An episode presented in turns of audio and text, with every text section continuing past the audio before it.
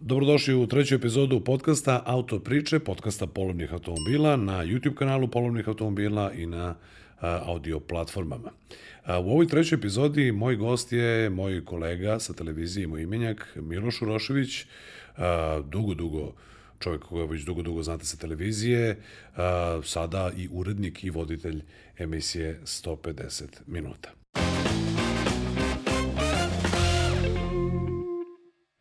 Miloše, dobrodošao. Bolje našao. A ti si čovek za koga, od kako znam za tebe, odnosno kako, od kako se poznajemo, ja znam da ti voziš i motore, Da. ali voziš i, i automobile, naravno. E, Jedna, sad... Jednaka ljubav. E, to je prvo moje pitanje. Dakle, koja je veća ljubav?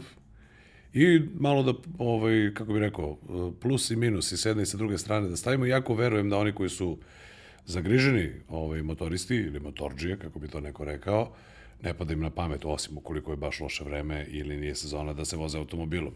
Uvek svaki lep sunčan dan je dan za motor, ali tako? E, vidi, a, stvar nije za poređenje uopšte. Bukvalno je kao pile i soko. Da ne, poredim, da ne pravim drugo poređenje, bit će ti jasno rimuje se ono drugo. Čak si pominju u jednoj pesmi. A u automobilu osjećaš definitivno neku drugu vrstu sigurnosti. A, motor je a, bukvalno svojevrsna vrsta slobode. Ja je tako tumačim. Bez obzira da li voziš po gradu, da li voziš na otvorenom putu, a, moment gde sve one zabrane koje važe u kolima i sva ona pravi- pravila koja važe u kolima, na neki način ona koja su sputavajuća za vozača, za, za vozača u vozilu odjedanput nestanu. Za početak pojas. Dobro, to mogu da razumem. Da. Sva ostala pravila vožnje se primenjuju, ali ono koje najteže ljudima pada, a podrazumeva slobodu, kao što i pas ne voli da bude vezan, tako i vozači motocikla jednostavno osjećaju slobodu. Ja pričam opet iz svog ugla, nisam vezan. Odnosno, možeš da parkiraš bilo gde ne, ne utiče toliko, kako bih rekao, gradska gužva na tebe, saobraćajna gužva. Apsolutno, apsolutno. Bukvalno si slobodan da uradiš neke stvari koje sa kolima realno ne bi mogao, nešto što bi kolima radio recimo 2 sata u Beogradu sa motorom možeš da uradiš za 20 do 30 minuta. Ogromna je razlika. A da pritom čak možda, možda, kažem možda, mislim da se ogradimo, pošto svi znamo, imaš ove kurirske službe pa vidiš kako se vozi, možda čak i da ne, ne, ne napraviš prekršaj. Dobro, e sad, mi imamo nekoliko zajedničkih prijatelja koji se bave motorima. Jedan od tih prijatelja će možda biti i gost uh -huh. ovog podcasta u jednom trenutku. Ovaj, doktor Vlada Jeftić, jedan A, čovjek kum. koji ima Eto, ovaj, imamo, imamo neke zajedničke prijatelji po nekog kuma, ovaj, koji je čovek koji je doktorirao uh, bezbednost u saobraćaju, ali što se tiče motocikla, jedini takav Jeste. doktor, u, u, ako ne i šire, ne samo u okvirima ove zemlje.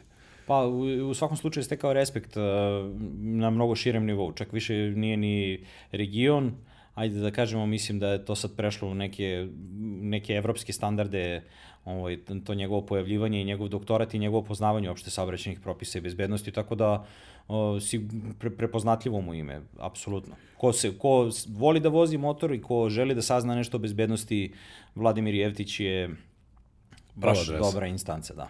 Odlično. E, upravo zato ćemo ga izvati i ovaj podcast. Međutim, hteo sam sa, sa tom da pričam kada kažeš sloboda, određene stvari. Ljudi koji su samo vozači automobila, pa još ako kažemo, ako uzmemo za primjer neke koji su možda loše raspoloženi, mada kaže drugi naš zajednički prijatelj koji takođe se bavi motorima, da se polako menja mindset naših vozača. Pre to bilo i neko, ajde da kažem, vozači automobila su imali neki i bes, možda prema vozačima motocikala, pa su gledali da im ne omoguće da prođu. Pa to se i danas dešava. Međutim, utisak našeg prijatelja je da se to manje dešava. Sad se stvar... U manjem obimu, da, da, da, u manjem obimu definitivno, međutim i dalje ima toga, znaš, u, jedn, u nekom trenutku a, shvatiš da ljudi moraju da čekaju nešto, a ti zapravo imaš tu mogućnost da prođeš. Nekada je važi- važilo neko nepisano pravilo, iskoristit ću banalan primjer, ali razumećeš me kada pričamo o toj slobodi i brzini komuniciranja sa motorom, koliko se razlikuje od komunikacije sa automobilom, to, te putne komunikacije, recimo ranije je bilo nepisano pravilo da kad stigneš na granicu, ti zapravo ne čekaš u redu, nego obiđeš sve one smrtnike koji stoje u koloni, dođeš lepo staneš ispred kućice, siđeš, izvineš se onom čoveku koji je prvi u redu, pitaš ga da li možeš da, Da, I on ti kaže da, jer ti, ako kreneš na put ozbiljan, znači bukvalno sa tim nema šale, ovo što se vozim po Beogradu bez uh, jakne, uh, sastavni deo moje opreme su rukavice, kapa, uh, izvini, kaciga i pojas. To je ono što uvek nosim. Uvek, bez toga ne sedam na motor. Jakna je opciona ovaj, kategorija od sezone, od da. sezone, da, ali nije pametno voziti bez jakne, međutim, kako da ti kažem, neka pravila su tu da bi se kršila i sam znaš kako to funkcioniše. E sad, kad krećem na put, onda to podrazumeva uh, bukvalno kompletnu garderobu koja ima štitnike, podrazumeva cipele koje trpe dve tone opterećenja, kada je pritisak u pitanju bočni, gornji i tako dalje i tako dalje, kaciga, rukavice, pojas, i hiljadu nekih drugih opcija koje nosim sa sobom u koferu, kako ako padne sneg, ako padne kiša, ako me uhvati ovo kišno odelo, štitnici za kolena i tako dalje i tako dalje. Tako da, kad te vide ljudi u toj punoj opremi na graničnom prelazu u fazonu su vidi ovog jednika i stopio se, curi iz rukava znoje ovako i on ti kaže, ajde, molim te, prođi, na, samo da te ne vidim da stojiš ovde pored mene. I to je u stvari taj moment gde ti uštediš nekih 4 sata Kad pričamo o prelasku Kad pričamo o granice. granice. E sad, ovaj, u saobraćaju u gradu, uh, provlačenje između automobila generalno problematično, možeš da probaš, a rizici su ogromni, bukvalno su ogromni i snosi ih uglavnom onaj ko vozi motocikl. A, upravo zbog toga ja oklevam da se, da se uopšte bavim time. Ja sam imao par puta prilike da se nađem na nekim skuterima, ali na ozbiljnom motociklu i da ideja da položim za motocikl mi uopšte nije bliska, zato što prosto smatram da inače je saobraćaj zna da bude skopčan sa dosta rizika i nekako a, čuo sam onu staru šalu da se motociklisti dele na one koji su pali i one koji će tek da padnu. Više, više puta. više puta. Kako, kako to izgleda? A, prosto, ovaj, evo si predavnom živ, zdrav, ceo, pričali smo nekoliko puta o tome, znam da si imao tu i tamo i, i, i neki peha, možda je poslije bio pre... Imao sam više, imao sam više pehova, imao sam više pehova, jedan put sam pao ovaj, potpuno slučajno. Uh, ja sam ja se psuo u tvom podcastu. Mislim, možda da se Probaj, stavlja bipovat pip. ćemo. E, to.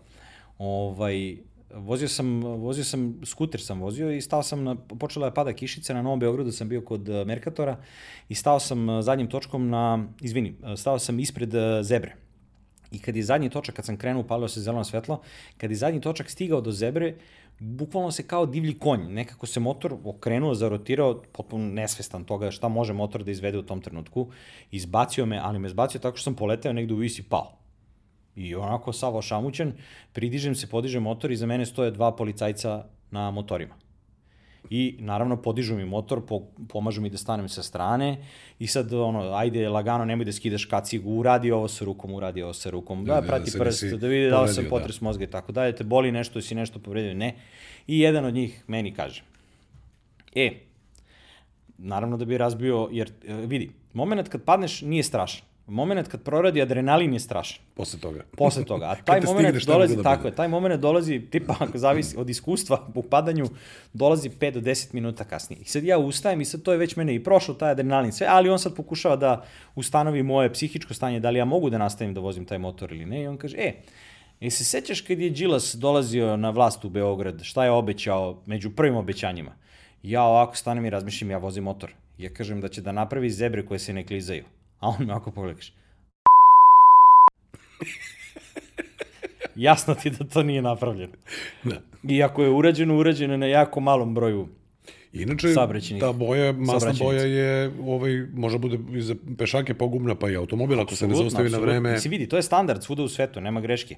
Kapiram da se negde na nekim saobraćenicama, u nekim bogatim zemljama gura ono staklo, kako već ide, ono, leveno staklo, ali, ovaj, naravno da nema veze sa Đilasom, mislim, on je čovjek u tom trenutku bio gradonačelnik, obećao je to nešto, ko to nije od gradskih oca uradio i zašto, u kom trenutku, da li on stvarno mislio na to, mesec dana kasnije posle obećanja, nemam pojma, ali u svakom slučaju, evo, ja sam posledica toga što se nije desilo i nije urađeno. Je to bio prvi pad?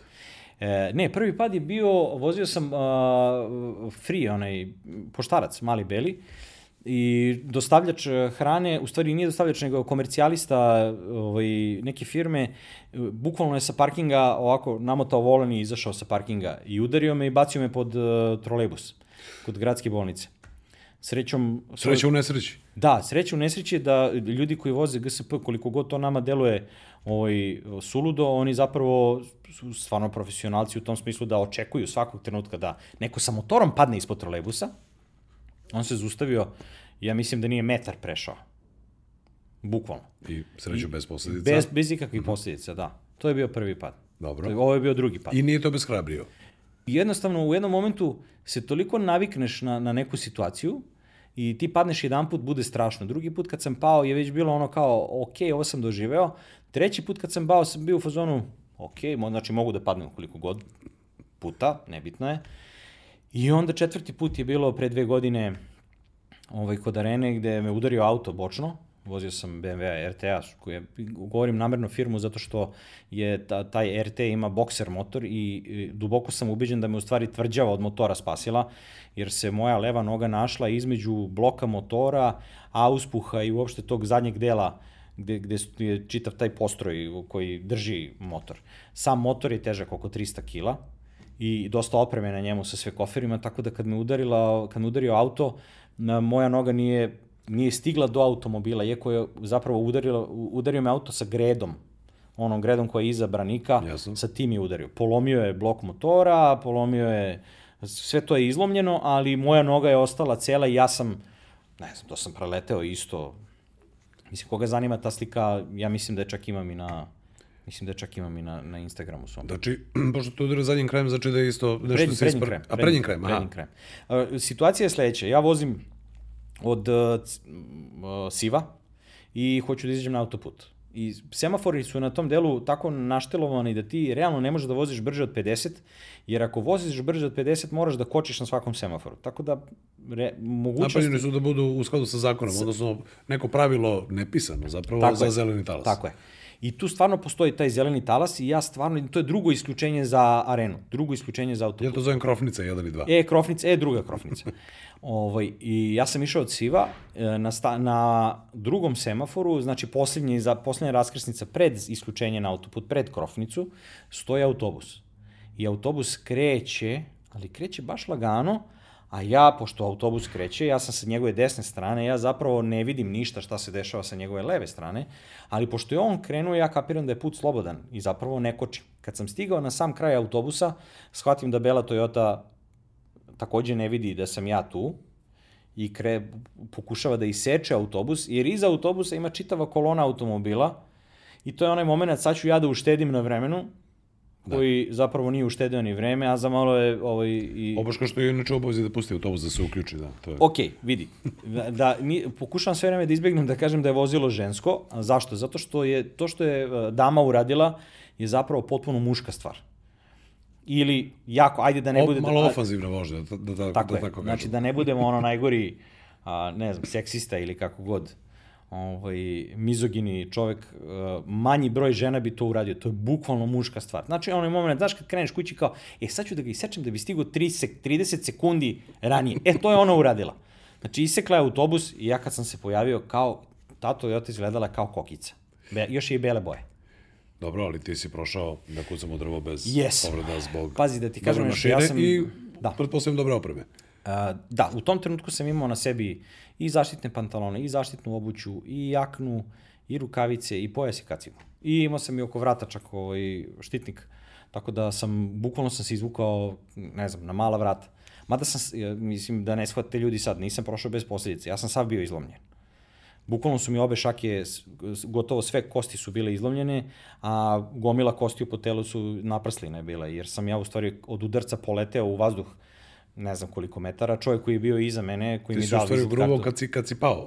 Na, Pa sam udarac je mene, sam udarac je mene bacio na njenu šofer šajbnu i na, na krov, a onda me to odbacilo u, u vazduh, onda sam ja pao, pa sam na to ko, ja toga se i ne sjećam, to je roller coaster, bukvalno. E, Gost treće epizode podcasta Auto priče je Miloš Urošević Kaskader. Bukvalno. To je treći pad. Uh, uh, to je četvrti. Četvrti, dobro. Koliko I, ih je i, ukupno posle, I poslednji. Ukup, to je četvrti. Dobro. Ok, želite Mislim, da vidi, tako tu ne računam, znaš kako, ne računam one padove gde staneš pa pogrešno proceniš svoju dužinu nogu, znaš, mi svi mislimo, to ti ko ono kad uđeš u WC da pa piše, oslonim. priđite bliže, samo vi mislite da je toliko dugačak.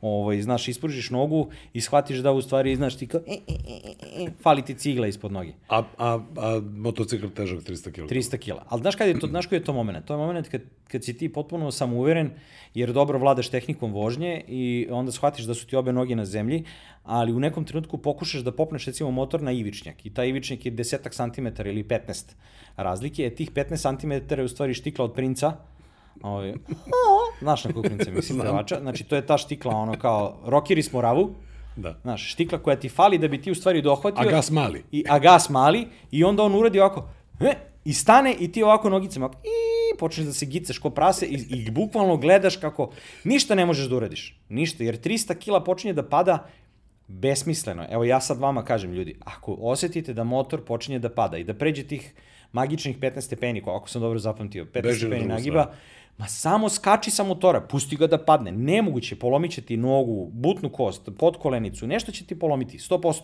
Znači, Nema ne šanse. treba se voditi, voditi e, da zaštitim tehniku, nego zaštiti ne, sebe. zaštiti sebe, jer ako, zaš, ako, ako e, kad, kad polomiš kosku, to znači, ja sam uslovno rečeno imao sreće, meni se to desilo u oktobru, tako da sam, prvo sam bio dve, dva meseca na bolovanju, a drugo, na motor nisam seo čak ni na proleće, jer prosto, ja i sad osjećam posledice toga. A ono nije obeshrabrilo, i sad vozim motor.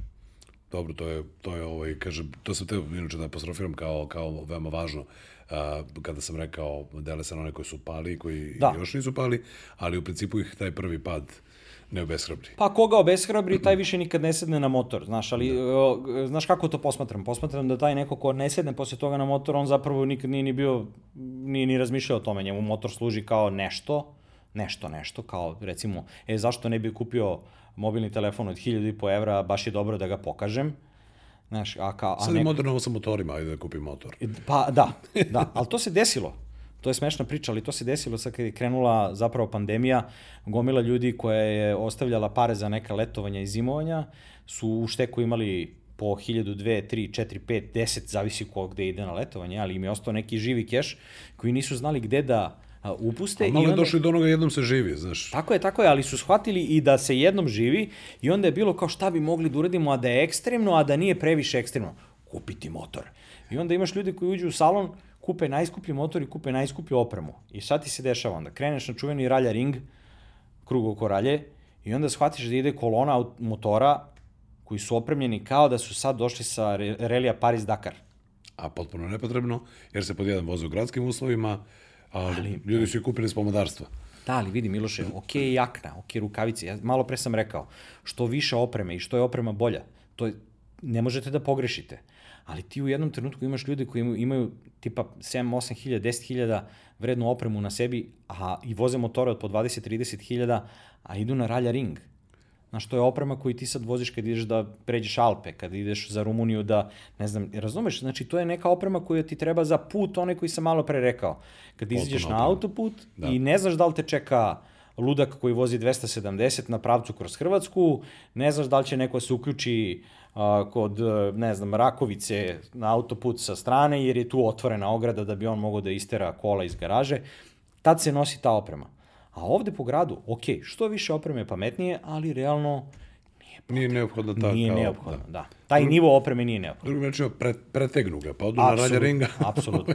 iz pomodarstva. Ok.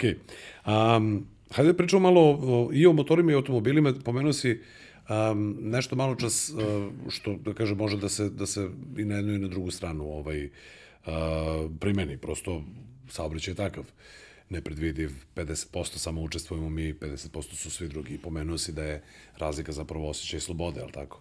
Ovaj, ali kad pričamo o tome a, šta su automobili, pošto i tu znam da imaš šta zanimljivo da ispričaš, a čime se ti recimo vodiš kod, to, kod toga kada kupuješ automobil? Dakle, šta, šta je tebi najvažnije? Da li je važna oprema, da li je važna cena, da li je važno godište ili je važan motor? Pošto znam da si imao, kaže mi, neke jako, jako zanimljive automobile u, u, u svojoj karijeri. Evo ovako, bit ću blag prema sebi. Ja sam budala. Znaš, zato što sam svojevremeno, a, sećam se da sam s jednim svojim prijateljem išao na, a, na autopijacu i htio sam da kupim Honda Legend a, kupe. I on, ja sam se ozbiljno, ozbiljno razmišljao, bilo u nekoj šampanj žutoj boji, unutra koža neka, očuvana, ne možeš da shvatiš, neka mala, mala, presmešna kilometraža. To bi, Svak... moralo, to bi moralo biti neko od ranije generacija, 80, ona na kraju je završila 80, samo kao... 80 neko godište. Kao limuzina, Ali vidi, da. ta Legend eh, Honda, znaš i sam, to je ono high-end u tom trenutku, oni su u nju spakovali sve što Honda u tom trenutku ima. I u jednom momentu se zvali Acura za, za neke Jest, druge ljude. Ne, ne, ne, to je okej, okay, to je za, za drugo tržište, yes. ali kod nas Honda Legend. I to je, ona, to je ona Honda koja ti kad uđeš unutra, ona ima dugme za sve. Bukvalno, znaš kad u tom momentu ta Honda ima dugme koje ti nikada, bukvalno u životu neće treba. Ne bi ti palo na pamet da će to dugme ti treba, e ona ima to dugme. I nas dvojica obilazimo sad to nešto i ja kažem, ej, vidimo ovo. Krećem da obilazim kola, otvaram gepe, gledam, stvarno je u fenomenalnom stanju auto. I on čovjek me odvuče sa strane i kaže, vidi rođače da ti objasnim nešto. Kad kupiš ovaj auto, šta god da crkne, moraš da zoveš lično cara Hirohita. Jer toga ovde nema. O, ova Honda se proizvela u, proizvodila u recimo hiljadu primjeraka, jer ima neku oznaku, ono, anniversary, da, bila, kao godišnjica da, neka. Da, neke vrata serije, da. I znači, to ima hiljadu automobila u celom svetu. Migavci nisu ovakvi, migavci nisu onakvi. E, vidiš, ja ne kupim tu Hondu. Međutim, recimo, 10 godina kasnije kupim Hondu um, Accord, ne, Honda Accord, izvini, Honda Civic uh, sedan Dobro. za američko tržište. Znaš zašto? Zato što sam budala. I dalje se družim sa tim čovekom. Izvini. Zapravo, ne, ne, ne, skroz je okej. Okay. I dalje se družim sa tim čovekom.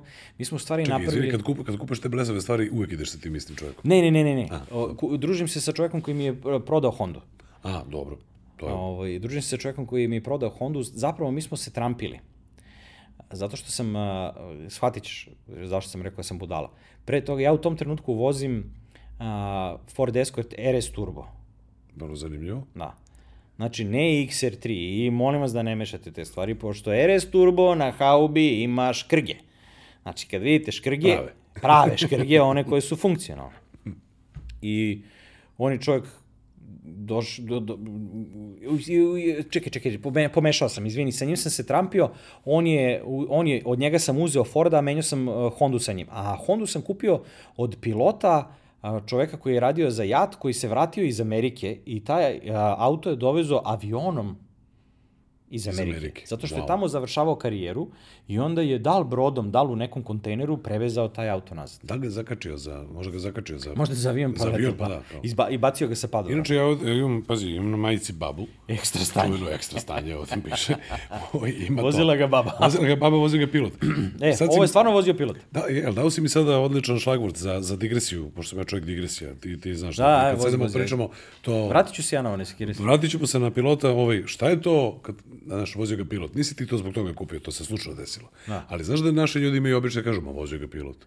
Jel to znači da on, da on vozi avion mnogo brzo, a ovo štedi, ili pošto je sklon onim ček procedurama pred leta, da tako u stvari i automobil Da održava i automobil. Ne, nisam znao da je, auto, nisam znao da je pilot. Po, to ima i to, vozi ga pilot. I ima. Da, ne, ne, logično, i vidi, sad kad se to izgovorio, potpuno pilot. je logično, da. I čaš. I, I baba imala kraću nogu i nije mogla stiska gas. Tako je. o, I sve znam to, znam, poznati sam, ali nisam znao da je on tad pilot. I kupimo čoveka Hondu kojoj ni jedan fabrički deo američki ne paše, nije u... Nema ga u kadalu, nema, nema ga, ne može da ga naručiš, da. Migavci su duži, širi. On izgleda isto, ali zapravo nije isti. Jer oni u, u tom migavcu imaju inkorporirano i poziciono svetlo i Amerika, mači da. oko, odnosno kako se to zove, onaj katadiopter. Mm -hmm. Znači sve je to inkorporirano u to nešto, jer takav je njihov zakon. Između ostalog, ima pojaseve koji se automatski vezuju. A, oni kad zatvoriš vrata pa Vratom, ž, ž, Ti si promislio da će neko da te udavi, priznaj. E, ne, oduševio se. To me je opredelilo da ga kupim. Jer sam budala. Kupim ja taj auto i vozim i u jednom momentu me zustavi policajac i kaže, niste vezali pojas. I ja kažem, nije moguće. I on kaže, kako mislite nije moguće? Pa niste vezali pojas, evo niste vezani. Kaže, pa znam, ali nije moguće da ga ne vežem. I sad kreće rasprava, na kraju izlazi onaj komandir koji sedi u kolima uvek brka i kaže što je problem. Ja kažem, pa kaže gospodin da nisam vezao pojasa, to je nemoguće. I on kaže, pa evo niste vezani. Ja kažem, molim vas sedite u kola. I tu sad kreće Šta malo onako tu? kao, sad, a on, na kraju čovjek sedne u kola, ja zatvorim vrata i on se preseče, jer je pojas sam krenuo da se vezuje. I on ovako stao, čovjek gleda, otvori vrata! I ja otvorim vrata i ono izađe napolje i ovog uvati pod mišku, ubaci ga u auto i oni odu. I sada su znali, da. Da, od tog trenutka znaju da postoje pojasevi koji se vezuju. E, sad dolazimo na Mišu, Miša koji traži porodični auto, a ja, kome se smučila Honda, hoću da uzem sportski auto. Miša ima RS Turbo, a ja vozim Hondu. I mi sad lutamo po pijaci, ja prodajem ovo, on prodaje Hondu, U stvari, ne shvatate da ste jedan drugome rešenje problema. Tako je. I dolazimo svako do svojih kola, stojimo jedan pored drugog i on kao, ti to ja, ti, ti to prodaš, da. E, a koliko, tolika, kolika cena ovo? E, a da mi zamenimo ključevi saobraćinu. Okej. I to, i to bi to. I ja uzem od Miše RS Turbo. znači, to.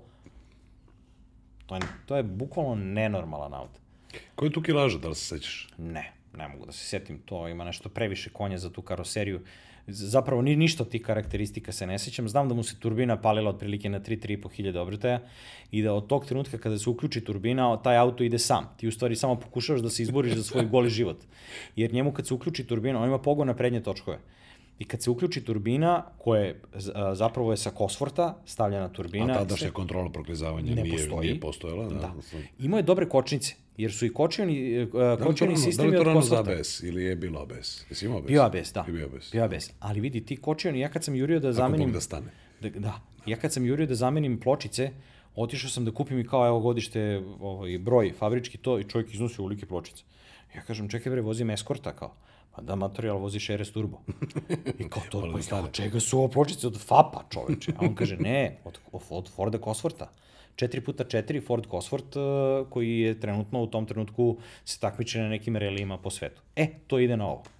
Znači ti sad sedneš i bukvalno izađeš kao ako na autoput i, i kao stigneš do 3000, stisneš gas i ono ovako, ui, ui, ui, ui. ti točkovi idu ovako sami, nema, nema nikakve kontrole, ti se tu boriš nešto, natežeš se, to je bilo vrlo interesantan period. Vrlo interesantan period. Naučio sam da, tad sam shvatio ovaj, da snaga bez kontrole ne znači ništa. Bukvalno ništa ne znači. Kao što kažu i neki slogani da, reklamni, da, da, da. a i zapravo odnosi se na, na na, na pneumatike najčešće. Da. A, pre nego što te pitam, ovaj, a znam da si imao i neke još ovaj, zanimljive, zanimljivije automobile, a, pokušao sam do sada, evo ovo je treća epizoda, da sve goste pitam da li možemo da napravimo neki, to je gener, generalizacija, ali da li možemo da napravimo neki fotorobot srpskog vozača. Kakav je to srpski vozač? Šta on čemu stremi, šta voli, kako kupuje, zašto pravićeš očima? Pa zato što ja, ja nisam taj. pa nisam ja očekivao da si ti taj, da. ne, nego samo Ma, šta je to po tvom mišljenju? Pa da piše Achtung, a ne atencione, Dobro. ako može da troši 2,5 litre uh, u šestoj, uh, po mogućstvu da ima od opreme sve što njemu treba, da ali da, Kako? Da nema zamajac. Ne, ja, pa da krenemo od onoga da unutra ima sve od opreme, uključujući podizače stakala i da ima nešto što dugme koje mu nikad neće trebati, ali da ima jer to je jako bitno. I da nema plivajući zamajac, naravno. Po mogućstvu da je, ovaj, kako se zove, DPF filter već zamenjen ili šta već. A, lamela, ako može odmah da bude zamenjena sa sve s plivajućim zamajcem i to. Ili da, ne znam, možda nema lamelu. U svakom slučaju da ima što manje tih delova koji e, treba da se zamene na 300.000 km. Jer a, šta kad mi crkne auto na 300.000 km? Da, dobro, to je ovaj inače ja imam običaj da kažem, znaš, pošto mi generalno najveći broj a, kupovina, odnosno najveći broj kupaca traži nešto za, do par hiljada evra. 3, 4, 5 hiljada evra i plus sada situacija na tržištu je suluda i probali smo da damo odgovor na pitanje u prvoj epizodi kad će to se normalizuje. A, prosto neke stvari su toliko poskupile da evo, ja ću prodati moj automobil za pare za, da, vi, za više za pare, veće pare nego za koje sam ga kupio. Da, da. da. Ovaj, e, prosto... Ali dobro si rekao, to je cena 1357. I do 10 kod ogura, to posle se gleda nova auto, nema potrebe. Kad stigneš do 10.000, ne znam zašto Tako bi kupovao auto do 10.000. Ali sam shvatio da je kao i veza, ono, kao zabavljaš se sa devojkom, ili raskinete na prvoj, trećoj, petoj ili sedmoj godini. Ne znam zašto, to je neka glupa statistika, ali tako i ovo kad kupuješ, znaš koliko košta? Pa ako košta dve i po, ne kupuješ ga, jer mora košta tri.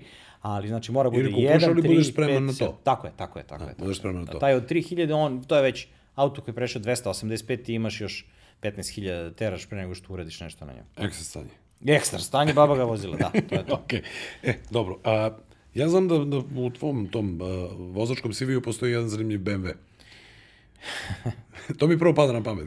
kad, kad, kažem, ovaj, kad pomenem tvoje ime i pomenem zanimljiva vozila, znam za priču o BMW-u, a ti me sada ovaj, a, izloži me detaljima. Koja je to bila kubikaža, koje je to bilo godine?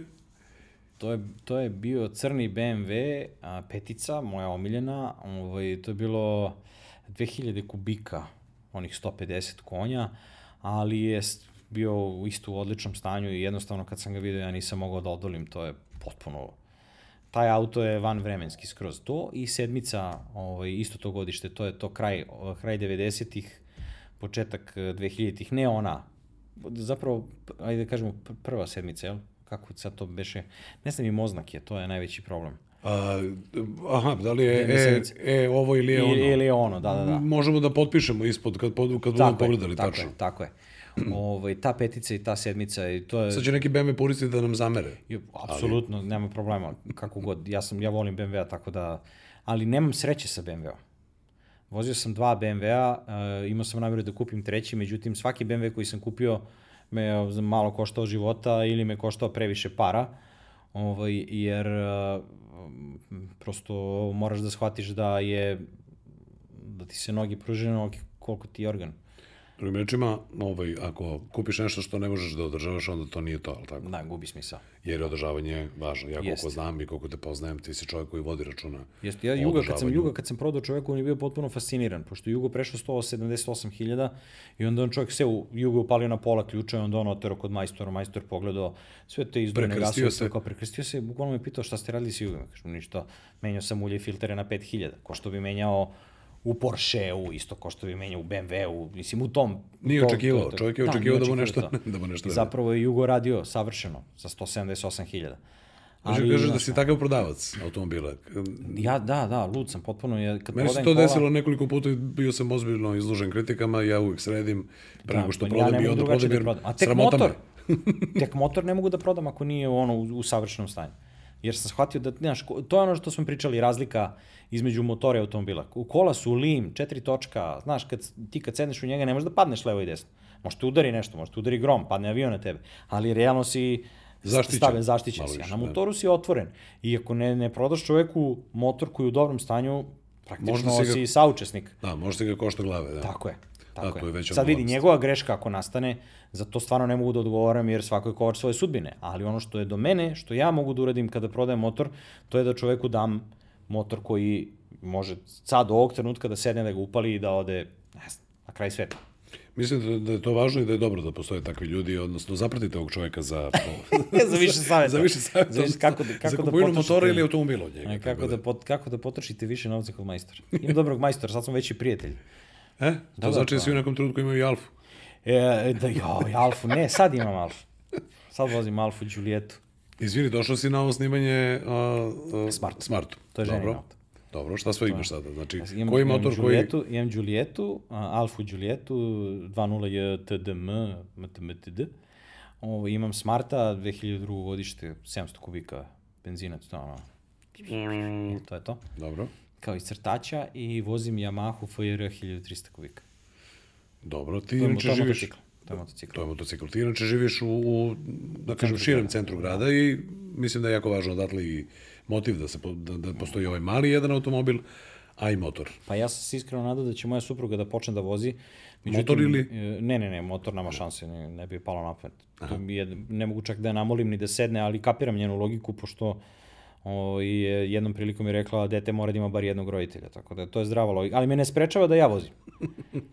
Znaš, je prvi uslov ispunjen. Uh, pa da, mislim, ostaće jedan roditelj, znaš kao. A sad, vidi, razumem je potpuno, stvarno. Mislim, i, ja bi, da, da ona voli da vozi motor, ja bi možda odustao. Jer bukvalno je zdrava Jer logika. Jer dete mora da ima. Da, i bar jednog roditelja, da. Tako da je okej. Okay. Ali me kažem ti, ne, ono što je meni bitno, to je da mene ne, ne sputava, ne sprečava me, čak mi podržava u tome da, da vozi motor. Šta više, ona mi je u jednom trenutku kad sam dolazio sa posla, ono, znaš, dođeš pa sav si naduo si kabinu, sav si nervozan. Rekla ti je, moramo da pričamo o životnom osiguranju. Tako je, i rekla mi, a što ti ne kupiš motor? Dobro, i ti kao, ja kao je li ovo skrivena kamera? Da, znaš kao, gledaš okolo, je li realno da je žena to izgovorila? I ja kao, pa mogo bi, a koji motor? Ono, pa kupi, što hoćeš, kupi motor neki. I onda sam ovaj, uzeo i kupio sam, tad sam kupio motor od 125 kubika, mislim, kupio sam skuter isto poštarac, onaj Piaggio malo veći. Brzo sam prešao na drugi motor, pošto to je baš slabo. Znači, to je bio prvi Prvi je bio, uh, prvi je bio ovaj, kako se zove, taj free uh, Piaggio koji ima 50 kubika. Aha. Ovaj, to je bilo onako da, to je bilo uh, bukvalno Kad si bio mali ili... Ne, ne, ne, ne, ne, bio sam dosta star. Roditelji su mi branili. Moja majka je, mi je branila da je, u stvari branila mom ocu. Moj otac je voleo motore i hteo da kupi motor, međutim, priča razlike između mene i mog oca što je njemu žena zabranjivala da vozi motor, a moja žena je meni dozvolila da vozi motor. A onda je moja, njegova žena, žena mog oca, odnosno moja majka, zabranjivala mom ocu da i meni do, dozvoli da vozi motor, tako da nisam mogao, zapravo sam počeo kasno, ja sam kasno stasali uh, Motorista. Mo, motorista, da. Dobro, ali to možda sa sobom povlače, kako bi rekao. Ne, ne, ne. Da si krenuo odmah sigurnije u to, da si krenuo... a, Apsolutno, ispričat ću, ti, zrelije. ispričat ću ti kako sam došao do Frija, vrlo jednostavno. Jednom prilikom sam seo na, na, od prijatelja opet dobrog na CBR-a 900 RR sa nekim Krapovićem, previše konja za to vreme u, u svakom slučaju, probao sam motor, to mi se jako dopalo. I onda sam otišao pa sam kupio sebi jedan CBR 900 RR, bez Akrapovića, ali sve jedno previše konja, imalo nešto 160, 170, više se i ne sjećam. I onda sam izašao na autoput i ovaj, naravno, pošto sam bio mlad, ovaj, imao sam 20 i nešto godina, mozga bez, I onda sam izašao i na izlasku iz Beograda, pre skretanja za aerodrom, na tom pravcu sam uhvatio i odvrnuo sam ga.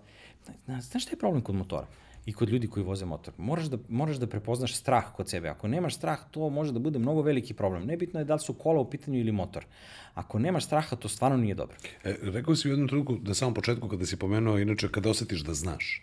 To je najopasnija je. stvari kod e, Jeste, automobila. jeste. Ne, pa I to ja mladim vozačima znam da savjetujem, kad budeš osetio da znaš, i kao sad sam sam uveren, tada je najopasnije. A, taj isti Vlada Jeftić koga si spomenuo, on to zove autopilot. To je vožnja na autopilotu. Ja ovo To je znam. onaj moment i kažeš, e, prvo znam ovaj put, bio sam do Zlatibora 800.000 puta, znam sve gde su sve rupe, pogotovo sad autoput Miloš Veliki, i ti sad kao, ok, i u glavi uključiš autopilota i nema problema, držiš nogu i ne gledaš više ni retrovizore, ne znaš, i onda se pojavi neki baća koji baš je rešio, kao ja sa 20 godina, da isproba svoj uh, R1 ili šta god, i ti ga ne vidiš jer ljudi, 200 i nešto kilometara na sat, To je mnogo velika brzina.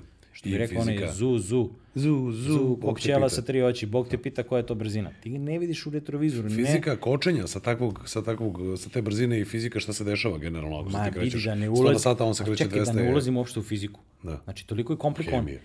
Ali vidi, bukvalno je toliko komplikovana fizika kočenja na toj brzini, da je nepotrebno pričati o tome. Znači, ti kad sediš u kolima i kad se voziš preko 200 na sat, je nenormalan osjećaj i za većinu ljudi, znaš, to što sam ja sad sav kao, wow, I može problematično, 320, da. znaš, kao, to je nešto drugo, ali normalan čovjek, no, neko ko nije psihopata, uslovno rečeno, ja sam stvarno normalan sam, ovaj, kad sedne u kola i kad pređeš 200 na sat, već je... mm, Neprijatno je. Neprijatno je, pitaš se, brate, ako sad se nešto desi, hoće nas sastaviti ikada. Ja sam jednog mog prijatelja, ovaj, mlađeg, koji, koji voli da vozi, ovaj, po mojim saznanjima, nisam se vozio sa njim, voli da vozi nešto brže iznad prosečne uh -huh. dozvoljene brzine na autoputu i mada će to valjda sada da se iskoreni, ako sam razumeo, sa ovim novim kamerama, odnosno drugačijim merenjem prosečne brzine, pa znam da stane na pumpu, popije kafu i onda da prođe kroz rampu. Ja kažem, a zašto si onda žurio? Pa da bih se osetio živim, kaže.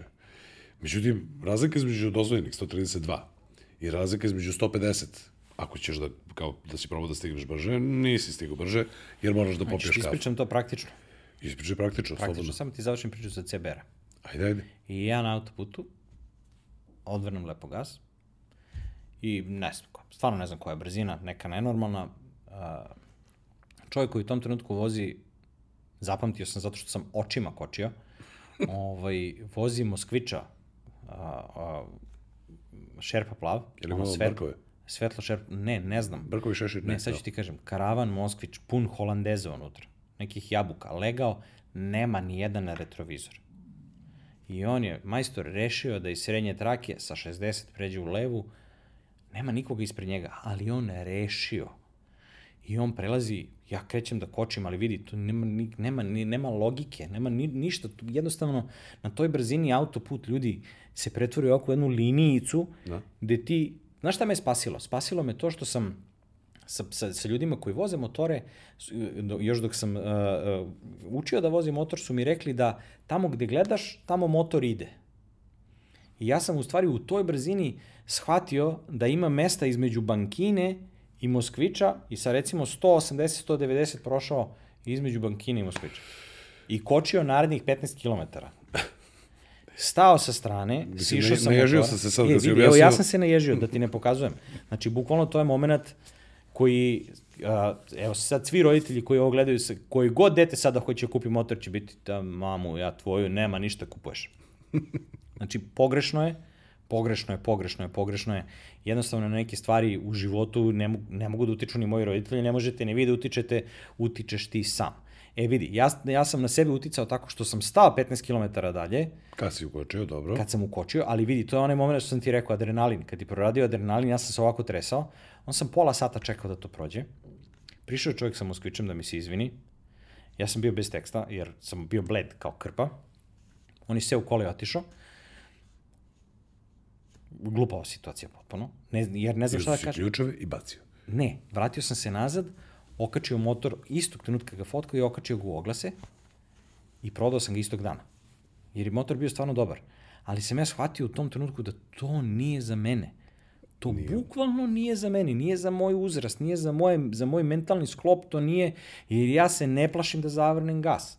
I kao što si rekao, kada si, I onda sam prešao na poštarca od 50 kubika. to je point. da se navikneš polako. Pa to je bio srpski reset. Da, Da, da. Bukvalno je bilo ono kao šamar, pljas, sad ćeš dečko da voziš 50 kubika, da shvatiš poentu vožnje motora, da naučiš ono što treba da se nauči, a to je strpljenje, da ne može, e sad, strpljenje u smislu, sad se prelazimo na onaj praktični deo ovoga što si pričao 120 i 150. Znači, kreneš iz Beograda na more i ideš vrlo konkretno u mesto koje se zove Neos Marmaras na srednjem prstu u Grčkoj ili što bi neko rekao na srednjem prstenu. Da. I ti sad kreneš iz Beograda, izađeš na autoput, brzina 120-130, kažeš ono kao oni imaju toleranciju do 150 i ti sad ne znam da li ima, sad više nema zapravo, ali tad je bilo kao šator tolerancija. U stvari tolerancije nema, ali a, 150, ok, nema kamere, prošao si, to je to. I ti sad voziš 150, voziš 150. I u jednom momentu obiđeš Renault Scenic crvene boje, karakteristično, pun petoro ljudi unutra, deca, oni pevaju, igraju se i ti oni voze 110 i ti voziš, voziš, voziš, prođeš Srbiju, prođeš Makedoniju, prođeš uh, Evzoni, uđeš u Grčku, stigneš do mesta koje se zove, um, koje se zove, koje se zove Nikiti. Nikiti.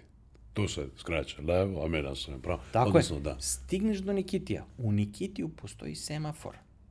Na kome se tebi kome, sa leve strane pojavi crveni Na kome se upali crveno svetlo i drži pet minuta. I tu se napravi kolona... Sigurno da se ne zove nikada, a ne Nikiti. Nikiti. Nikada. Zapamtio sam, zato što je to da- poluseksualno. pol- To je poluseksualno, poluostrvo. Imaš Neamu Danju, imaš Nikiti, imaš Papa Nikolau, i tako dalje. Mislim, znaš ta mesta, stvarno bio si dole.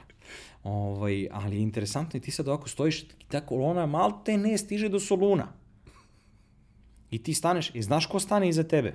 Crveni senik. Crveni senik sa petoro ljudi unutra i troje dece koji su veseli.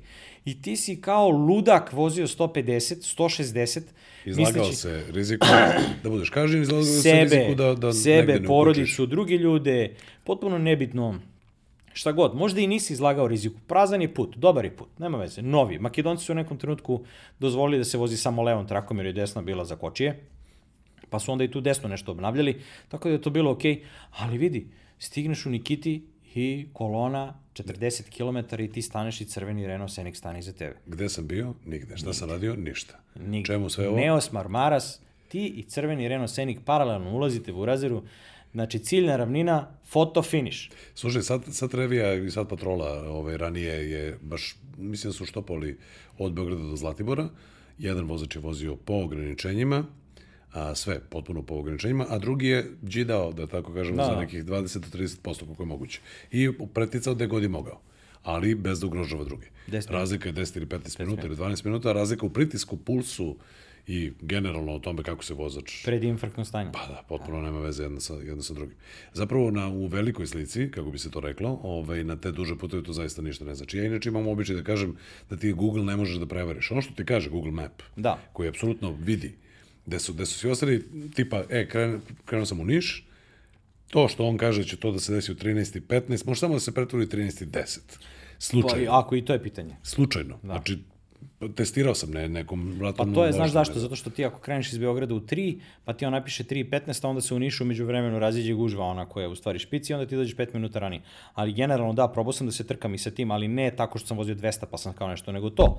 Izvini. dobro je. Ovo, tako što sam vozio recimo ograničenje 120, ja kao da mogu da ukradem, ja vozim 130, 140, pa kao da vidim koja će biti razlika. Ma kako to je 2 minuta? Besmisleno, da. potpuno. Potpuno. Mislim, vidi, razlika između 120 i 140 je ogromna. Ali kad pogledaš kao na autoputu koji je poluprazan, ne čini nešto, znaš se kao, ali da li ću stići i ranije? Ne. Nema nikak. A da ne pričamo o tome da ti sad kad stigneš, recimo, kreneš ka Hrvatskoj i stigneš na granicu i on neko reši da, šta god, Da? da su, je prelaz ovde samo za EU vozila, a ovde za, prelaz za, samo za Srbiju ne postoji i Ima, onda ima i ti takvih dešavanja. Ja, sam- ja sam ove godine ovaj, čekaš odavno- 18 sati, gde si žurio? Pazi, odavno nisam putovao noću na more. Da. Porastao, Noću porastao sam. Odavno nisam putovao noću na more i ovaj, ove godine sam išao noću na more a, na a, Si rekao noćna mora? Noćna mora, da. Ove godine je bila noćna mora. Ovaj, imao sam jednu osobu na Rači i jednu osobu tamo dole, prelaz, prelaz ka Splitu, išao sam na, na tu stranu. Ma to si imao sreće. I, i pazi, ugasio sam klimu i ispustio mi je Renegade na 6.6. Nikada nije trošio 6.6, da. jer ima pogon na... Ali to na si imao 140. sreće. Krenuo sam u pola jedan. Krenuo sam u pola jedan i četvrtak. Nekoliko Ja ne- elemenata da, da, sam u stvari, to si možda, možda si upravo. Ja, generalno, kad krećem na, na, na put uh, sa porodicom, ne mogu da vozim noću, to mi smeta. Ne zato što nešto slabije vidim ili ne znam ni ja šta, bez obzira na naočare, nego zato što noću nemam pregled, jer ti u stvari vidiš ono koliko farovi bacaju. a Sa leve i s desne strane ludaka mali milion. Da ne pričamo, da ne pričamo o tome da noću životinje krenu da luduju, zato što preko dana ne mogu i onda noću kao je sad je manji saobraćaj. Tačno, ali pa ako onda kao- voziš kroz Bosnu i Hercegovinu po... po... Pa Medo čuva stražu. To je Medo okej. čuva stražu, onda, ako je sve osvetljeno i ako Da, su da. svi popalili sve što treba da popale, onda i vidiš iza krivine. Pa, istina, da. Ali, znaš, kao, to je to. to ograničen si nekim svetlosnim snopom, a ovaj let, let, mislim, danju zapravo kad voziš je, ono, prosto vidiš sve oko sebe. Ćale, moj pokojni mi je svojevremeno rekao, njega je to opet naučio njegov prijatelj Pera Poznanović, izvesni. Kad je Ćale učio da vozi, Pera mu je rekao, a, dobra preglednost je 50% sigurne vožnje. Što znači da kad uđeš u kola, ako ti je masna šofer šajbno, ne te mrzi, uzmi isprskaj šofer šajbno operi iznutra i iz polja. Inače, i Mirko Alvirović je govorio, a, a sada mladen, jel? Prvo Da. pravilo bezbedne vožnje vidi i budi viđen. Tako je, tako je, tako je. To je- Ali 50% u meni u tom u momentu mi zazvučalo kao mnogo, međutim kad sam sabro oduzeo, kad sam počeo ozbiljno da vozim, da pravim ozbiljne kilometraže, shvatio sam da je možda i više od 50% u zavisnosti od situacije. Tako da ta noćna vožnja meni jednostavno ne prije jer mi ubija tih 50%, smanjuje mi na 30%, a meni se to ne sviđa. Eto, to je to. Ne, ovo je bilo stice ovaj, okolnosti, ali hoću da kažem kao da sam hakovao Da, granicu. da, da, znači, da, da, da, sam, da. Moguće, moguće. Ja, kad ideš radnim danima, ovaj, možda da ne otkrivamo sve matori, sledeći put kad krenemo mora da biti gužva, joj, ajde, dobro, nema to kao kad nađeš dobru kafanu, pa onda ovaj, Ćutiš. Ne Vodiš ljude tamo sa zavezanim očima. Dobro, rekao si nam kako voliš da prodaješ ovaj, motor, motore ili automobile, a kako voliš da kupuješ? Pošto ja znam da si u jednom periodu malo si brže menjao automobile i dešavalo se da mi pošliš neki link sa polovnih automobila sa nekim čudnim automobilima. Jeste. Jel to znači, mislim, statistika to pokazuje, polovni automobili jest, jesu već 18 godina, Da. ovaj, 18 plus sajt koji možeš da pogledaš više puta dnevno, možeš da ga pogledaš na poslu, možeš da ga gledaš u prevozu. A, kako nije- to dođe? ne- Otvoriš i kreneš da listaš, Ne, da nađeš sad nešto ću, sad ću da ti kažem kako. Ovaj, a, samo da se ogradim. Ja ne volim da prodajem ništa. Ne volim da prodajem ni kola ni motore. Ne volim. Zato što, evo, rekao sam ti kako daje motor. I onda kad dođe čovjek i kad recimo sad imam, prodavao sam motor i on mi čovjek kaže koje godište, kažem 2005, on mi kaže, o, taj motor mora da puca. Ma, čoveče, motor je 2005, ne puca ništa, on je savršen, ispravan, tehnički. Šta znači da puca? Pa kao da izgleda ovako. Čoveče, motor je 2005. Da je stajao u salonu, on bi imao neku ogrebotinu jer bi neko prošao pored njega i zakačio ga. Tačno. Mislim, svedok si toga zato što se idemo na sajmove automobila i izvezu auto koji je stavio kod nekog u garaži i on ipak ima ogrebotinu i zakačen je levo i desno jer neko mora nekad da prođe pored njega. Znači, Čak ne- i ono kad padne pucanja. prašina na njega i toga grebe i uništava. E sad, i pitanje je šta je njegova, pred, pa šta je njegova da kažem, predstava u glavi, šta to znači da puca. Šta znači da puca? Besmisleno potpuno. Tako da ne volim... utegnut? Da, pretegnut? da, da, da. I onda ja zapravo zbog toga ne volim da prodajem motore, nego volim da neko to uredi umesto meni ili ako moram, to svedem na minimum komunikacije, a to je dođite, pogledajte motor pa ćemo da pričamo. Ili dođite, pogledajte auto pa ćemo da pričamo. Jer šta me pitaš čoveče, mora da puca, puca. Puca dođe. Dođe, evo puca, evo čuješ kako puca. Znaš, potpuno je, potpuno je suludo. Dobro, znači ne voliš da prodaješ Ne, i kad prodaješ onda to... kad, ako, ako sam prinuđen da ja prodajem, onda to svodim, tu komunikaciju zaista svodim na minimum, tako što kažem ljudima, da, tu sam, dođite, zakažite vreme, ja radim, imam svoj neki radno vreme, dođite posle toga, kad god dođete pre toga, ali morate pogledati auto. Na kraju krajeva terajte ga kod majstora. Srećom, kažem ti, imam tog majstora Iliju, koji, Ilija je fenomen, mlađi je čovek, i ozbiljan je znalac, mislim, i tada je bio zaluđenik za automobile, a sad je, možeš misliti sad sa sticanjem iskustva potpuni frik za, za Gromovnik. kola. Tako je, gromovnik, pa na kraju kraja imamo i zajedničkog prijatelja Kamenog koji je isti taj. Tako to je taj rang automehaničara. Znaš, i sad, sad tu se postaje pitanje da li terati kola kod Kamenog ili terati kola kod Ilije. E, kod Ilije sam već 20 godina, pa sad ne mogu, znaš, kao, Ne, ne ispoštovati dobro, Kamenog ili... E, to je preferencije su u Tako pitanju, je, tako jasno. je, prosto za nekog Ali da se radi o majstorima koji su već dugo u poslu i koji su, Znaju da kažem, zanata. svaštari, odnosno radili su svašta, je, imali tako su svašta rukama. I dobra stvar je što sam prijatelj sa Ilijom i onda kad, pošto mi Ilija održava sva kola, kad prodajem auto, ja lepo stavim čovjeka na speakerfon i kažem, ej, čao, Iko, evo čovjek hoće kupi kola, reci mu šta treba se uredi na kolima, on kaže da se zamene pločice i se promeni ulje. I onda on spakujemo, sednemo u kolo, on ode kod drugog majstora i on pogleda auto i kaže treba se promene pločice i se zameni ulje. I potvrdi zapravo. I to je, to je dobar znak za, za kupovinu. A što se tiče polovnih automobila, jedno, jedno vreme kad je počinjala era a, web stranica za oglase za, za vozila, a, ja ću da spomenem, a ti bipuj ako hoćeš, ja sam paralelno išao na moj auto i na polovni automobili. Nemam međutim- da bipujem. Ne, ne, okej, nema veze. Znači, kažem samo, pošto nije, nije reklama u pitanju, prosto na, na sajt koji, gde sad gostujemo na ovom podcastu, na ovaj sajt se oslanjam ne- nebrojeno godina unazad, više, ti si rekao 15. Što se mene tiče, to je ceo život moj. 18 plus, 18 plus. O, sam, nema veze, 18, znači punolet, punoletna. Ovo, ja ne znam što se mene tiče, to je 30 godina. A, meni, Subjektivni osjećaj. subjektivni osjećaj 30 čega to, izvini, zato što je to jedan, a, platforma je prosto takva, ti kad dođeš da ćeš pogledati jedan automobil. Ma ne, bre, gledaj, samo da ti objasnim kako to kod mene Da. funkcioniše. Ja imam uh, folder kod sebe na mobilnom telefonu koji se zove mreže. I tu su sad uh, Viber, uh, Whatsapp, uh, sve ove društvene mreže koje objedinjuju, Facebook, sve to što objedinjuje neku komunikaciju na webu. U okviru mreža mi stoji polovni automobili, što zapravo nije društvena mreža, ali ja ga tretiram kao društvenu mrežu, kao društvenu mrežu, jer koliko često otvaram Viber, ja zapravo otvaram i polovne automobile, što je pakleno. I koliko znaš da se zavozaš? Pa tako što uh, kao uh, pokušavam da budem racionalan i onda gledam kao klasičan Srbijan, oni što smo malo pre probali da ga kalupimo, da auto troši 2,5 litre i da je prešao do 150.000, što nije realno. Ovaj, da nema plivići zamajac, da ima podizače stakala i onda sve to, i to tražim recimo 15 minuta i onda pređem na BMW sedmicu. I onda kreneš da... I onda krenem da vršljam i onda gledam Aventadore, gledam a, Porsche, gledam šta je ko, znaš, kao ono, a, a, ne zove se Balenciaga, nego a, ovaj bre...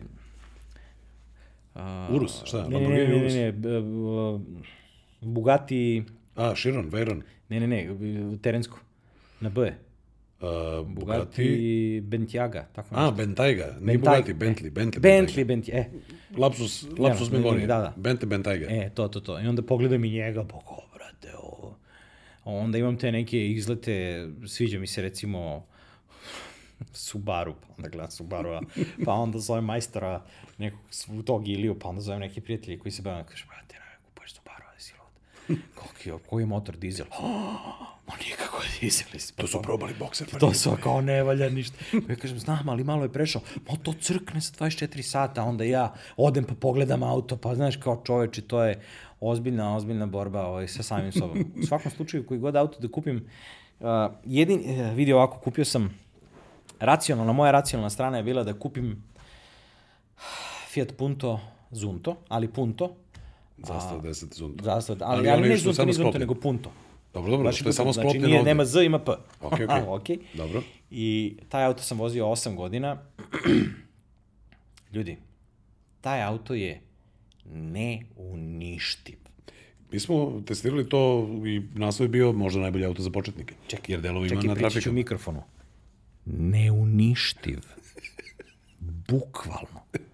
Znači, taj auto je prevezao šta hoćeš i šta nećeš. Kupio si ga dakle novog. Novog novcijetog iz fabrike, sve sa garancijom, šampanj, zlatna, da li da vam kažem Sećam da... se ta- tog tvog auta. Ma taj auto nije opran tri puta, jer ne vidiš da je prljav, takva je boja, to je neka pesak žuta, znači sve ove kiše iz Afrike, kiše iz Azije, topli ciklon, hladni ciklon, Sve u redu. sve je okej, ta boja trpi sve, uzmeš, opereš stakla na njemu da vidiš je voziš i ovo ostalo ne diraš, dok neku sepsu ne zaradiš kad pipneš auto. Ne, nema potrebe, unutra ga opereš. Koji je bio motor? Jedan, dva, Jedan, dva benzinac. Benzinac. ovaj, Da, šetne sve što kažu. Da, one što kida Da, da, da. živce. Mislim, kida živce zato što kreneš od Užica gore uzbrdo i, znaš, kao ima klimu. Ma, koja klima u raziru, kad stigneš do Užica mora ugasiš klimu. Ja sam to zvao turbo dugme. Kreneš od Užica, Ugasiš nas, klimu. pa vidi nas troje unutra, Vasilij koji je mali, imam sina Vasilija, dobro, to sad imam većina koji, koji me znaju, znaju to. Imam sina Vasilija, sad ima 15 godina, tada ima možda 3-4 godine.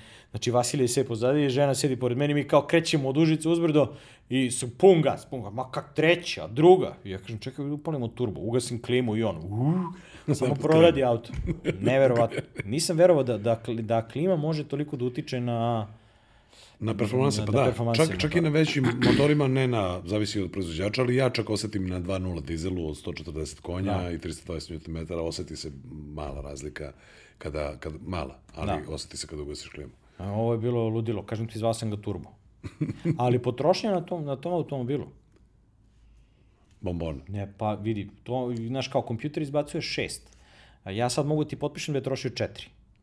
Na Ne, ne, da, ne znam, moguće. ne znam kako, jer vidi, uh, uh, sam, mala, mala digresija što ti kažeš, uh, ja sam u kolima, ja sa, sa porodicom u kolima ili sa nekim drugim ljudima u kolima su dve potpuno različite osobe, Naravno. znači Jekyll i Mr. Hyde. Aha, govoriš o Ovaj- načinu vožnje, dobro. Tako je. A, kad sam sam, znači ne prelazim one granice normalnosti, ali... I pristojnosti. I pristojnosti, naravno. ali kad je neko drugi u kolima, onda se to svodi na ono driving Miss Daisy. Znaš, ako je ograničenje 50, ja vozim 40. Ako je 90, Dobro, ja prosto vozim ne želiš 70. i da ne, tom nekom bude neprijatno. Da. Apsolutno, znaš, i nema naglog kočenja, nema naglog skretanja, ovako, a ovako kad sam ja sam kolim, onda to za moju dušu, pa znam da opustim nogu, ali opet kažem, nije to nik, nikakav ekstrem koji bi sad zasluživao, ne znam ni ja šta, razumeš, ali znam da se opustim. E, ti ja zbog prirode posla često ovaj, nekad idemo negde sa strane, ovaj, ne zajedno. Ali idemo negde sa strane. Možemo i zajedno. Možemo i zajedno, na neki, na neki posao. Dešavalo se. Dešavalo se, bilo je. Ovaj, dakle, kad putuješ negde na, na, na, sa strane van Beograda, ovaj, e, na Tezgu, e, kako se pripremaš za taj put, da li ti je tu važno, ok, ajde, automobil mora da mi bude uvek spreman, generalno održavanje, pomenuo si već više Ma, puta mora svog, da svog majstora, da to mora da bude sve, sve pod konac. Dakle, ti samo ubaciš ključ, pozadi gorivo, To je to. i to je to. I krene se na vreme, je li tako? Da, a vidi ovako, moj kum Filip Munižaba, on sad živi dečko u Austriji, mislim, dečko čovjek, ima ženu i dvoje dece, Čovjek dečko. čovjek dečko, moj kum, o, imam kumu ako hoćeš, zastrašujuće. I ovaj, on je jednom prilikom, on, on me u stvari, on me uslovno rečeno naterao da se zamislim da li da kupim punta. Vozio je Volvo A i onda u jednom momentu samo me zvao i rekao, je, dođi da vidiš nešto, kao kupio sam punta. I ja, znaš, kad, Propo čovjek. pa da, Sa Volvo na punto, Pa, pa deset to radi. Nebitno i da je 20 godina razlike, znaš, kao, bravo, Volvo, punto, majku mu, kakve ve, nikakve, nema dodirnih tačaka, razumeš. Međutim, ja ga pitam u jednom trenutku, e, a što, što, brate, što si kupio punta? A on kaže, jel ti meni veruješ da ja ujutru, u šest ujutru, zima je, tad je- on je kupio to nešto u sred, da li pred zimu ili u toku zime, on kaže, jel ti meni veruješ da ja u šest ujutru kad krenem na posao, ja uzmem ključ i krenem ka kolim i ne razmišljam da li će da upali. I to je cela filozofija. Ne, više, ni, ništa ti više ne treba od toga. Da, Moraš da znaš zašto ti da auto treba. Da. Zašto ti treba auto? Ako si Duca Borković, znate, treba ti auto od 700 konja, koji menjaš pneumatike na trećem krugu, jer za to taj auto služi, razumeš? A ako ti treba auto da se prevezeš od tačke A do tačke B u gradu, kupi Smarta. Ja inače mislim da, da vrlo verovatno da nas sada ne slušaju ljudi koji inače posmatraju automobil kao samo prevozno sredstvo od A do B. Pa, ako nas slušaju, mo- možda će da shvate Možda, ali, ali hoću da kažem, znaš, ljudi koji se, da tako kažemo, lože na automobile, koji su Da. autoentuzijasti, koji vole automobile, to nisu ljudi koji to posmatraju samo kao hm, od A do B, o, Ovo Pa je... ja to ne posmatram tako, ali ti govorim da moraš da sedneš, ako, pogotovo ako ne raspoložeš sa nekom količinom novca koja može da zadovolji tvoje potrebe, a to je da voziš recimo sad novu 308 Peugeota GT varijantu karavan koja izgleda kao svemirski brod. I onda uzmeš i pogledaš kao, vidim koliko košta, 40.000 funti. Nešta, vozit ću ga kad budem imao 70 godina. Razumeš? znači, to je, taj, to je taj fazon. Ali zato šta mogu da kupim? Pa mogu da kupim 407-icu, 2005. godište, koja je, znaš i sam na kraju krajeva, u savršeno dobrom stanju, prešla je 120.000 i kao ima od opreme sve. Generalno to je isti auto, nije isti, isti je proizvođač, ali za, zašto ti treba taj auto? Ti si taj auto prodao, ali tako? E, nisam još. A nisi još? Ja nisam još. Znači, naći se uglasim. Ulazimo, ulazimo u auto, u auto leksikon ovaj, pa da mogu bi da se nađe na kanalu. Ulazimo polako u auto leksikon negde pred kraj, dakle šta se sada vozi, rekao si već tu je Smart, Da, vozio sam Peugeot 407 karavana, a, apsolutno iznenađenje, ja Francuze inače ne 2.0 gotim pogotovo. Kako, 2.0 HDI, da, da. Mhm. Ovaj, to je neka full oprema sa, uh, jedino što nema, nema tempomat. Sve ostalo što sam probao, a znaš u ostalom, zvao sam te da te pitam kako se gasi klima, pošto kao, rekao si mi ti ima 50 i nešto si izbrao. 47 dugmića ima, 47 a 7, 7, 7 pritisaka, 7 klikova imaš do, da isključiš. Rekao klimu. si mi to, zaboravio sam statistiku. O, I sad mi klima stoji non stop uključena. Više nisam ni gasio, pošto to je užasno naporno.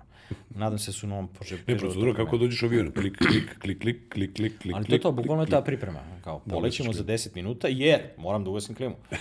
Znaš, taj fazan. Sad je više ne gasim. Praktično. Dovoljno jak motor, tako da ne, znaš, ne osjeća tu razliku.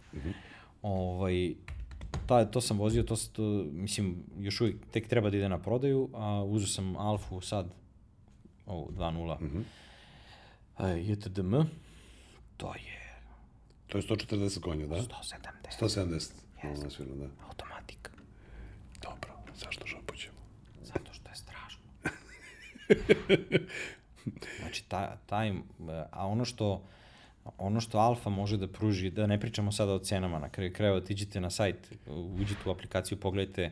Ja, ja, sam, ja sam 2012. pokupio dosta, ja sam pokupio dosta ovaj hejta, kako se to kaže, odnosno... Ja, gledao sam tvoj podcast, gledao sam tvoju epizodu sa Alfa.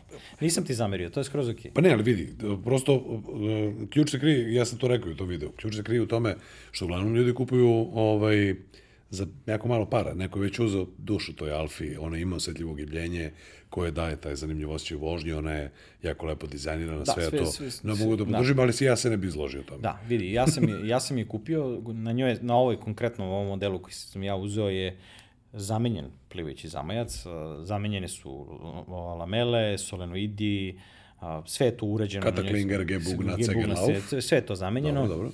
I onda sam seo u nju i prešao sam ukupno 15 km i počeo motor da trokira, upalila se lampica za motor. I onda sam otišao u servis, misleći da li je realno. Znači, na ovom automobilu, ako uredim generalno motora, jedino što treba da se uredi na tom automobilu od 2012. da ga prefarbamo i to je nov auto. Jer sve ostalo je promenjeno. Razumeš? Međutim, ovaj, otišao sam u servis a, a, kod Gorana i Goran je uzeo i pogledao i rekao, pošto je ono ovlašćeni servis, Ilija neće da radi Alfa. Aha, dobro, eto. Neće. Neće radi Alfa. A, a auto mi je crkao na poslu, inače i Goran, e, mehaničar je odma Goran Menjač čuveni je tri minuta vožnje od mog posla. I onda sam otišao kod njega i on me sutra zove i kaže, ja kažem, i dobro, ova šteta za motor, on kaže, a ne, ne, spalo ti je crevo sa turbine. banalno je, banalno je. Znači, jedna šelna. Slušaj, ali bio sam, bio sam stvari tužan. Što nije nešto zbiljnije. Ne, bio sam tužan zato što i si prčko nekad oko motora. Mm, Samo amaterski. Ja Amaterski, nisam- amat, ama, pričamo amaterski. Znači, vozio si vjerojatno neke, to, Jugo, Warburg, Tako limuzina, 4 metra lima, 5 metara dima. Jugo, Boba, Maruti, To je Nissan to, je veličine. E, sve znaš. Znači, ono, kao otišla ti, ne znam, krajnica, ti sad siđeš, ono, podigneš ga na dizalicu, skineš točak, odvrneš dva, zameniš to nešto, jeste, rizikuješ, ono, pun gasi život na kocku, sam si uradio, pa si kao zadovoljan. E, vidi sad, kad mi se desilo ovo sa Alfom, ja imam 47 godina, nije mi palo na pamet da podignu haubu. Nego je bilo direktno tamo. Dobar dan, dobar dan, nešto ne radi kako treba. I kad mi je rekao čovjek da je spalo crevo sa turbine, bio sam u sebe, u sebe sam se razočarao, ali bez zezanja. Ka- Kako Možeš- to nisi, što nisi otvorio, što nisi Pa, Nisam pogledao? haubu otvorio. Znači- to je poražavajući. 21. vek. Ne radi se, ne radi se o novcu, ne radi se, jednostavno sam, toliko sam... A, U toliko sam zoni. Da, ne, ne, toliko sam se oslonio na ovaj moment da kad otvoriš haubu ima ogromna parče plastike koje te sprečava da ti bilo šta uradiš. I to me pipni samo tamo da je žuto. Znači, Tako možda tako ulje, je. možda doliješ Vodu. teču za stakla i da proveriš I, nivo ulja i to je to. To je to. I toliko sam se navikao na to da sam se... Po... A ta plastika, inače, samo da vam kažem, ta plastika skida tako što je povučeš. Da, da, bukvalno može, ni, ni, nema ni previše nekih žabica. Otpor nula. Tako je. Znači uzmeš ovako i četiri žabice i motor je tu. I opet ga vidiš. I nisam to uradio. I razočarao sam se u sebe. Ali popravit ću to. Dobro. Mislim, ne, kažem da bi, ne kažem da bi legao ispod alfe i namestio crevo, ali sam mogao bukvalno da sam vidi, da sam otvorio haubu i da sam upalio auto Video i da sam se nagao ovako i pogledao unutra, shvatio bi po zvuku šta je, pogledao bi i shvatio bi da je palo crevo sa turbine. Nema veze, ako si dobio uverenje sa, sa I kvalifikovanog sad to mesta. imam u e-knjižici. Da, spalo crevo. Piše, nema više ono kao na papiru, znaš, kao ti sad iz Nemačke pa stigla pa, i- elektronska knjižica, to je to. I to je to. Dobiješ na mail da je to zabeleženo elektronsku knjižicu kad sam ušao u servis, dobar dan, dobar dan, registarski broj taj taj, aha, dobro, vidimo da ste u ovom servisu radili to, to, to i to, vidimo da ste odradili to, to, to, to, to, to, super, mi ćemo da vam uradimo to, to, i Spalo crevo u turbini. Da. ok. Dobro, e, sad ovaj, pričali smo malo o E, to samo sam teo ti kažem, ovo je jako bitno. To što se dobije od Alfe, za taj novac, ne može da... ne da, može da se dobije kod drugih auta. Ne, pa ja potpuno razumem. Dakle, nadam se da me alfisti ne, Ne, ne, ne, ja se samo... ja kažem, vidi, to me ne bi izložio, prosto. Da, da, da, apsolutno ne, i, i podržavam, i, pa ko bi kupovao Alfu kad bi svi bili kao ti? Evo ja. Znači, ima nas s ove strane, koji apsolutno zaljubljenici, ono, u zmiju i crveni krst i ne znam šta, znači, A vračar? nije to. Ja crveni krsti vračar, okej. Dobro, šali, šali se malo, ovaj, dakle, taj leksikon a, smo ma, manje više ovaj, prešli, odnosno šta je to što trenutno voziš. Koji ti je najdrži automobil bio do sada koji si posjedovao, a koji je najdrži motor? Da se neko ne naljuti. E, da, pa ne, razmišljam, auto koji, najvi, koji, koji sam najviše uh, voleo do sada da sam vozio, lomim se zapravo, zato razmišljam, lomim se između tog BMW-a petice, koji je za mene ono ultimativno vozilo, potpuno i po izgledu. Meni se taj auto i dan danas dopada, ja bih ga opet kupio. Nego što kad hoćeš da kupiš taj auto u dobrom stanju danas, on sad više ne košta 3, 5, 1, 3, 5, 7, nego košta 15, 20, 25. Što je logično, ok, nema veze, ali hoću ti kažem, taj auto je za mene apsolutno ikona i Ford eh, RS Turbo koji je ostao za, za mene je to nešto ono, svemirski brod, bukvalno. I ću baš da pogledam na polovnim automobilima da li se uopšte jedan može naći. Vjerojatno sa tim motorom ne, ali generalno eskorti Pa vrlo redko i to je i redaki model ovde kod nas bio. Da. Bilo ih je možda par. Ja mislim da je neko od eh, naših trkača na, na, ovo, na, na kružnim trkama vozio RS Turba. To, to je neisplativ auto. Bukvalno neisplativ auto. Ja sam se smeo kad te pita neko koliko ti troši auto. Ja kažem do 100 troši 10, posle 100 samo brišeš nulu. Jer stvarno je tako trošio. Znači, troši 10 u gradu i to je sve do 100. Nebitno je da li ideš 20, 30, 40, 50, trošiš do 100. Kad pređeš 100, samo skidaš nulu. Do 120 on troši 12, 130, 130, 13. I to je to.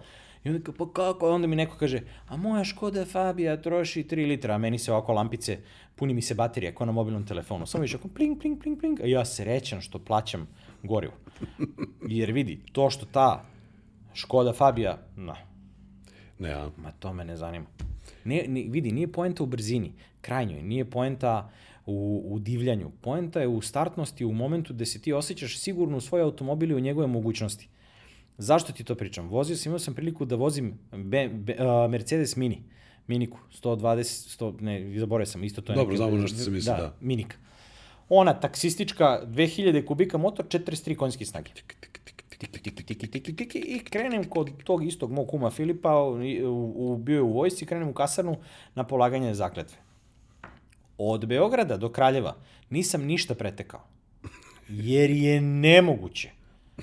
To je nemoguća misija. Znači ti bukvalno mora bi da anticipiraš 4 km puta unapred da bi shvatio da li tamo nešto ide, jer ja sam Pa da, pokušao. vidi, da. Vidi, druga, treća i četvrta su potpuno iste. Nema nikakve razlike u brzini. U ubrzanju iz četvrte u treću on se samo više dere, ali zapravo ne ide brže. I ti sad kreneš, ide ispred tebe kamion i ti kreneš da ga pretičeš i ovako, e, e, e, e, e, samo što si izašao već ne lazi auto, e, e, e, e, vratiš se. To je jako malo konja iz dosta starog motora. E, vidiš, Ali- to je razlika između onoga što si rekao, jedan je putovao do Zlatibora regularno, drugi je preticao tamo gde može. Tamo gde možeš da pretekneš, sa minikom ne možeš. okay. E, to je, to je point. Dobro, znači najdraži...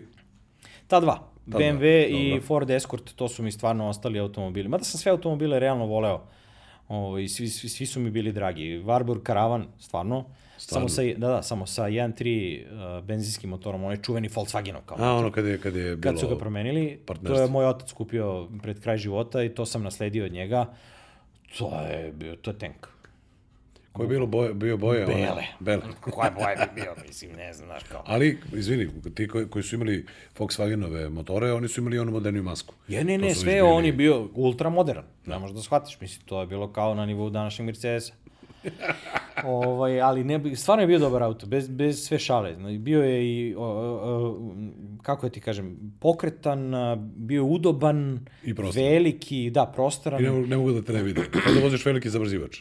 Tako je. Samo, samo kad ga pogledaš... Da si ga sačuvao sad I čuvena, i čuvena brava koji su zadržali onaj točkić koji vučeš, Da, da, koji vuče pozadi, kao da Pozadi. repetiraš pušku. Automatsko. to su zadržali. Sjajno. Ovaj, dobro, i najdraži motor? Pa i tu se lomim, tu se lomim između BMW RT-a koji mi je spasio život, definitivno, uh, i lomim se između BMW K1200S koji sam sad relativno skoro prodao. I to su dva potpuno različita koncepta. Mislim, što ti kažeš, ako ko ljudi koji iz, gledaju ovo, verovatno se razumeju to što sad pričam. Jedan je putni motor, RT je putni motor, uh, 1200 kubika, to su sedišta koje sad sedneš i ne znam, možeš da putuješ. Kad bi mogao preko okeana, preko okeana bi mogao da Predviđen putuješ. za bisage, ima vetrobran, Jest. ima muziku, To, to je pravljen motor. Njega vozi, vozi, ga, vozi ga policija. A, I ma- manevarski nenormalno dobar motor. A, agregati prelaze 100 miliona kilometara uz dobro održavanje. Preudoban. A, policijski nemaju ovaj koji sam ja vozio recimo muziku, MP3 player, ne znam, grejanje sedišta, grejanje ručica, a, podiže se vizir i tako dalje. To je neki nivo, otprilike sedneš kao u Concord. Sedneš, uvoliš se, izađeš na autoput, ubaci, ima šest brzina, ubaciš ga u šestu brzinu i on na otvorenom stvarno troši ispod 5 litara. A vožnja je ne osetiš. Možeš da pređeš 700 km u cugu, On je zapravo Gran Turismo, napravljen za ta To je to. duga putovanja. Dobro. A ovaj drugi K1200S, pa mislim da opis najbolje govori, a to je da je to, on se zvao, uh, zovu ga i dalje uh, ubica Hayabuse. I sad naravno tu ima onih priča koji kažu da je njegovo štop svetlo namenski napravljeno da izgleda kao isplaženi jezik, Da da, da bi plazi oni koji voze Hayabusa. iza, tako je, da oni koji se voze ima vide isplaženi jezik kada... Tesla Hayabusa, inače Suzuki Hayabusa, da pomenem kada si pomenuo brzinu od 200 na motoru, kako izgleda put, jer se sećam jako dobro kad je Vuk Tomanović ovaj, eh, testirao Hayabusu, da je, da je bilo navedeno da se pri 300 na sata vozilo se na pisti u Sučinu, to je na, na aerodromu, da se pri 300 na sat sve pretvara u sivi tunel, dole sivo okolo zeleno. Da, to je to. Rekao sam, ja sam to doživio sa 20 kusur godina, sa Zapravo, taj 900 poštarac, taj poštarac free treba da ti bude drugi omiljeni motocikl, jer i on spasio život. Ti imaš da te vrati da. norm, normalne. Da, da, da, da. U stvari, kad bi, no, kad bi normalno to posmatrao, da, E, ali opet ti kažem, svi motori su imali svoju ulogu u mom životu, tako da su mi svi dragi, ali pitao si me koji su mi najdraži. Ova dva su mi najdraža, jer sam sa jednim doživeo neka mnogo lepa putovanja sa RT-om, a ovaj drugi je onaj što, e, je, e, po, posebno je e, rađen, odnosno heblovi su podignuti za 10 cm, sedište je upušteno i on je sam po sebi koskiran, odnosno ceo motor je bio spušten za nekih 5-6 cm. Pa ga je drugačije voziti, jer drugačiji kad ti sediš- položaj Tako je, ni, nisi, nismo, nema onoga, znaš, da si se ovako savijen i ne stoje ti ruke ovako, pa te ne bole zglobovi, nego zapravo kao da voziš putni motor. A snage je imao, ima 170 konja. I, o, I to je zahtevalo da se jednogodišnje menjaju gume. Bez obzira, znači, ne, nema divljanja. Nema divljanja. Taj motor, Prosto je takav. takav je motor da ti u prvoj kad kreneš, ti i ne osjećaš, ali on zapravo jede gumu. I jede gumu, jede gumu. Kočnice nikad bolje nisam na motoru imao, ni na jednom koji sam vozio nisam, ja ne znam za bolje kočnice. Vidjet ćemo šta o svemu tome u jednoj od budućih epizoda kaže dr. Vlada Da, Jeftić. kako. Obavezno ću ga zvati. Hvala ti mnogo što si bio moj gost u, u ovom podcastu. Ovo je bila treća epizoda. Uh, nemoj da zamiriš ako te budemo ponovo zvali. ne, tamo posle zovite me, svašta ja mogu da vam ispričam. Ovo je tek početak. Bože, sačuvaj. This is the beginning of a very, uh, of a good, uh, kako kaže, ali ne govorim o pravom originalu iz filma, ne govorim iz Crnamačka Belimačar. kad kaže Grga Petić. This is a beginning of a beautiful friendship. Friendship, tako je. to je to. Ok, hvala ti još jednom. A, dragi slušalci, dragi gledalci, vidimo se na ovom istom mestu, dakle, YouTube kanal polovnih automobila na YouTube-u i naravno sve audio platforme. Ovo je bila treća epizoda podcasta polovnih automobila, Autopriče. Hvala na pažnji.